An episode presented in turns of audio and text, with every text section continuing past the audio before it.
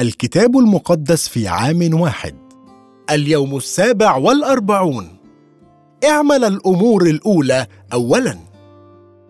بعدما تزوجنا بفترة قصيرة ذهبنا بيبا وأنا لحضور مؤتمر في إحدى العطلات حول موضوع الزواج.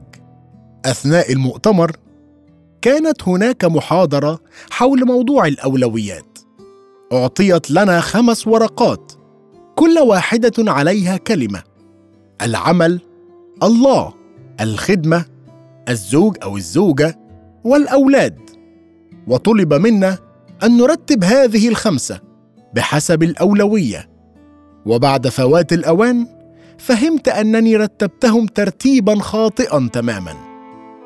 لقد وضعت الله اولا على الأقل حصلت على واحد صحيح. ولكنه كان اختيار واضح تماما.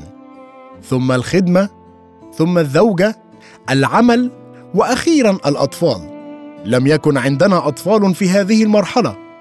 لذا لم نتبين أنهم مهمين للغاية. وبينما سار بنا قادة المؤتمر خلال هذه الأولويات صار واضحا لي أن الترتيب الصحيح. ينبغي أن يكون الله أول الكل. ثم زوجتي دعوتي الأولى أولادنا عملي خدمتي الأولى وأخيرا خدمتي والتي رغم كونها هامة جدا وبوضوح إلا أنه لا ينبغي أن تأخذ مكان مسؤولياتي الأساسية في الحياة. وكما وصف الفيلسوف جوتا لا ينبغي أن تكون الأشياء الأكثر أهمية ابدا تحت رحمة الأشياء الأقل أهمية. ضع الأمور الأولى اولا. ينبغي أن تأخذ الأمور التي تتعلق بالأكثر بالله في المقام الأول في حياتنا. أولوية العلاقة. ينبغي أن تكون علاقتك بالله الأولوية رقم واحد لديك. في هذا المزمور نرى أن أولوية المرنم الأولى ونبويا أولوية يسوع الأولى كانت علاقته مع الله. الصليب هو البوابة التي نمر منها إلى علاقة مستردة مع الله. نرى كم كان في الجزء الأول من المزمور استمرارية للنبوات المختصة بموت يسوع والتي تحققت في العهد الجديد. يبدو كما لو أن المزمور قد كتب هذا بصيغة المتكلم المفرد على يد شخص كان معلقا على الصليب. حتى قبل مئات الأعوام من اختراع الرومان للصليب كوسيلة إعدام. إنها نبوة دقيقة بصورة غير عادية عن معاناة يسوع. استصف قسوة الصلب. انفصلت كل عظامي ولصق لساني بحنكي. ثقبوا يدي ورجلي. جماعة من الأشرار اكتنفتني. أحصي كل عظامي وهم ينظرون ويتفرسون في يقسمون ثيابي بينهم وعلى لباسي يقترعون. كما رأينا بالأمس كانت آلام يسوع على الصليب أعظم بكثير من حتى أهوال الصلب. فقد تحمل ذنبنا وتركه الله نيابة عنا. مات يسوع لأجلك لكيما ترد أنت للعلاقة مع الله. أشكرك أيها الآب لأن العلاقة المستردة معك من خلال الصليب هي فعلا الأولوية العليا التي خططت لها منذ الأزل. أشكرك يا يسوع لأنك مررت بعذاب الصليب لأجلي لكي ما تسترد علاقتي بالله. أولويات يسوع. أحب يسوع إنه رائع تماما وجذاب بصورة رائعة. فقد أحب الناس وكان ممتلئا بالحنان عليهم. والناس أحبوه وكانوا يأتون إليه من كل ناحية. أراد كل واحد أن يرى يسوع.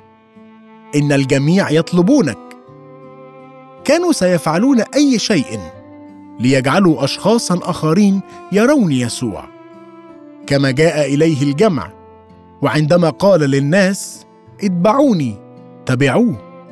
وقد جلبوا كل المرضى ليسوع وهو شفاهم بما فيهم حماة بطرس. لقد أحب جبات الضرائب والخطاة وكان سعيدا جدا لأن يذهب ويتعشى معهم. فقد أتى من أجلنا نحن الخطاة. يمكنك أن تخمن أولويات الناس عن طريق كيفية تصرفهم في وقتهم. نرى في هذه الفقرة كيف صرف يسوع وقته. يصلي إلى الله. لا يستيقظ معظم الناس مبكرا جدا من النوم. ما لم يكن لديهم أمر هام يفعلوه. كانت أولوية يسوع الأولى هي علاقته مع الله الآب. وفي الصبح باكرا جدا قام وخرج ومضى إلى موضع خلاء وكان يصلي هناك. هذا يتحدانا كلنا لأن نستيقظ مبكرا ونجد موضع خلاء ونصلي. من الناحية الشخصية وجدت أن الطريقة الوحيدة لأستيقظ مبكرا بصورة منتظمة هي أن أذهب إلى الفراش مبكرا بصورة منتظمة. يبشر بالملكوت. قال يسوع لنذهب إلى القرى المجاورة لأكرز هناك أيضا. لأني لهذا خرجت. كانت الرسالة التي بشر بها هي الأخبار السارة عن ملكوت الله وحاجة الشعب أن يتوب ويؤمن بالأخبار السارة. لقد كانت رسالته تدور حول الغفران وقد كانت أخبارا سارة لكل الخطاة بالذات وقد احتاج أن يسمعها الجميع. بالنسبة ليسوع كان الغفران أولوية. أهم وأعلى حتى من الشفاء. التبشير بسلطان. كان يسوع ممتلئ تحننا. ومن دافع المحبة للناس أراد أن يحضر لهم اولا الأخبار السارة عن الغفران. ولكنها لم تكن مجرد كلمات فقد عمل على شفاء المرضى وعلى طرد الأرواح الشريرة. ومن خلال شفاء المفلوج برهن يسوع على أنه هو الذي له السلطان والقدرة ليغفر الخطايا. كانت أولويات يسوع واضحة. كان الله اولا ثم الناس ثانية. وكل أمر آخر كان يتعلق بتتميم هاتين الأولويتين العظيمتين. ساعدني يا رب لأجعل علاقتي بك أولوية قصوى. أشكرك لأنني أستطيع أن أعلن أخبار الغفران السارة للآخرين. ليتني أمتلئ بالتحنن بينما أصلي من أجل المرضى وأسعى لأرى الناس أحرارا من سلطان الشر في حياتهم. أولوية المحبة. رغم أن الله يدعوك لتكون لك علاقة حميمة معه لكن لا تنسى ابدا. عظم وعجب قداسته وقدرته. لدى الله شغف عظيم بك. ولذا لن يدعك تكون أقل مما يمكنك أن تكونه. إنه يريدنا أن نتعلم منه القداسة. من سفر الخروج الأصحاح التاسع عشر. إلى سفر العدد الأصحاح العاشر. ظل الإسرائيليون في نفس المكان يتعلمون كيف يكونون شعب الله. وقد بدأوا بتعلم قداسة وقدرة الله. لا يمكنهم حتى لمس الجبل الذي هو حاضر عليه. ثم يتكلم معهم عن أولوياتهم من خلال الوصايا العشر. الله يحبكم. سياق تلك المحبة موجود في سفر الخروج في الأصحاح العشرون. أنا الرب إلهك الذي أخرجك من أرض مصر من بيت العبودية. فالله هو إله يصنع إحسانا إلى ألوف ونرى صورا من محبته في تلك الفقرة قبل هذا حيث يقول الله وأنا حملتكم على أجنحة النسور وجئت بكم إلي.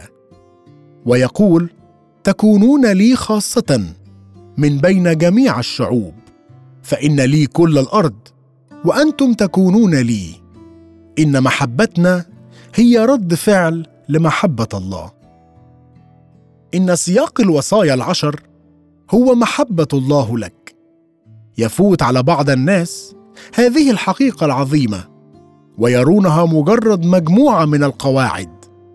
يعطي الله الوصايا كتصرف من واقع المحبة لنا وعلينا أن نطيعها كفعل محبة لله. أحبب الله. تتعلق الوصايا الأربعة الأولى بكيف نتجاوب مع محبة الله بأن نحبه هو. نحن نحبه لأنه هو أحبنا اولا. لا بد أن تكون محبتنا حصرية مليئة بالإحترام وتتبرهن بتخصيص وقت لنكون معه. أحبب الناس تتعلق الوصايا الستة الأخرى بمحبتنا للآخرين عائلاتنا زوجاتنا وأزواجنا وأيضا جيراننا. لا تقتل لا تزني لا تسرق لا تشهد على قريبك شهادة زور. لا تشتهي بيت قريبك ولا تشتهي امرأة قريبك ولا عبده.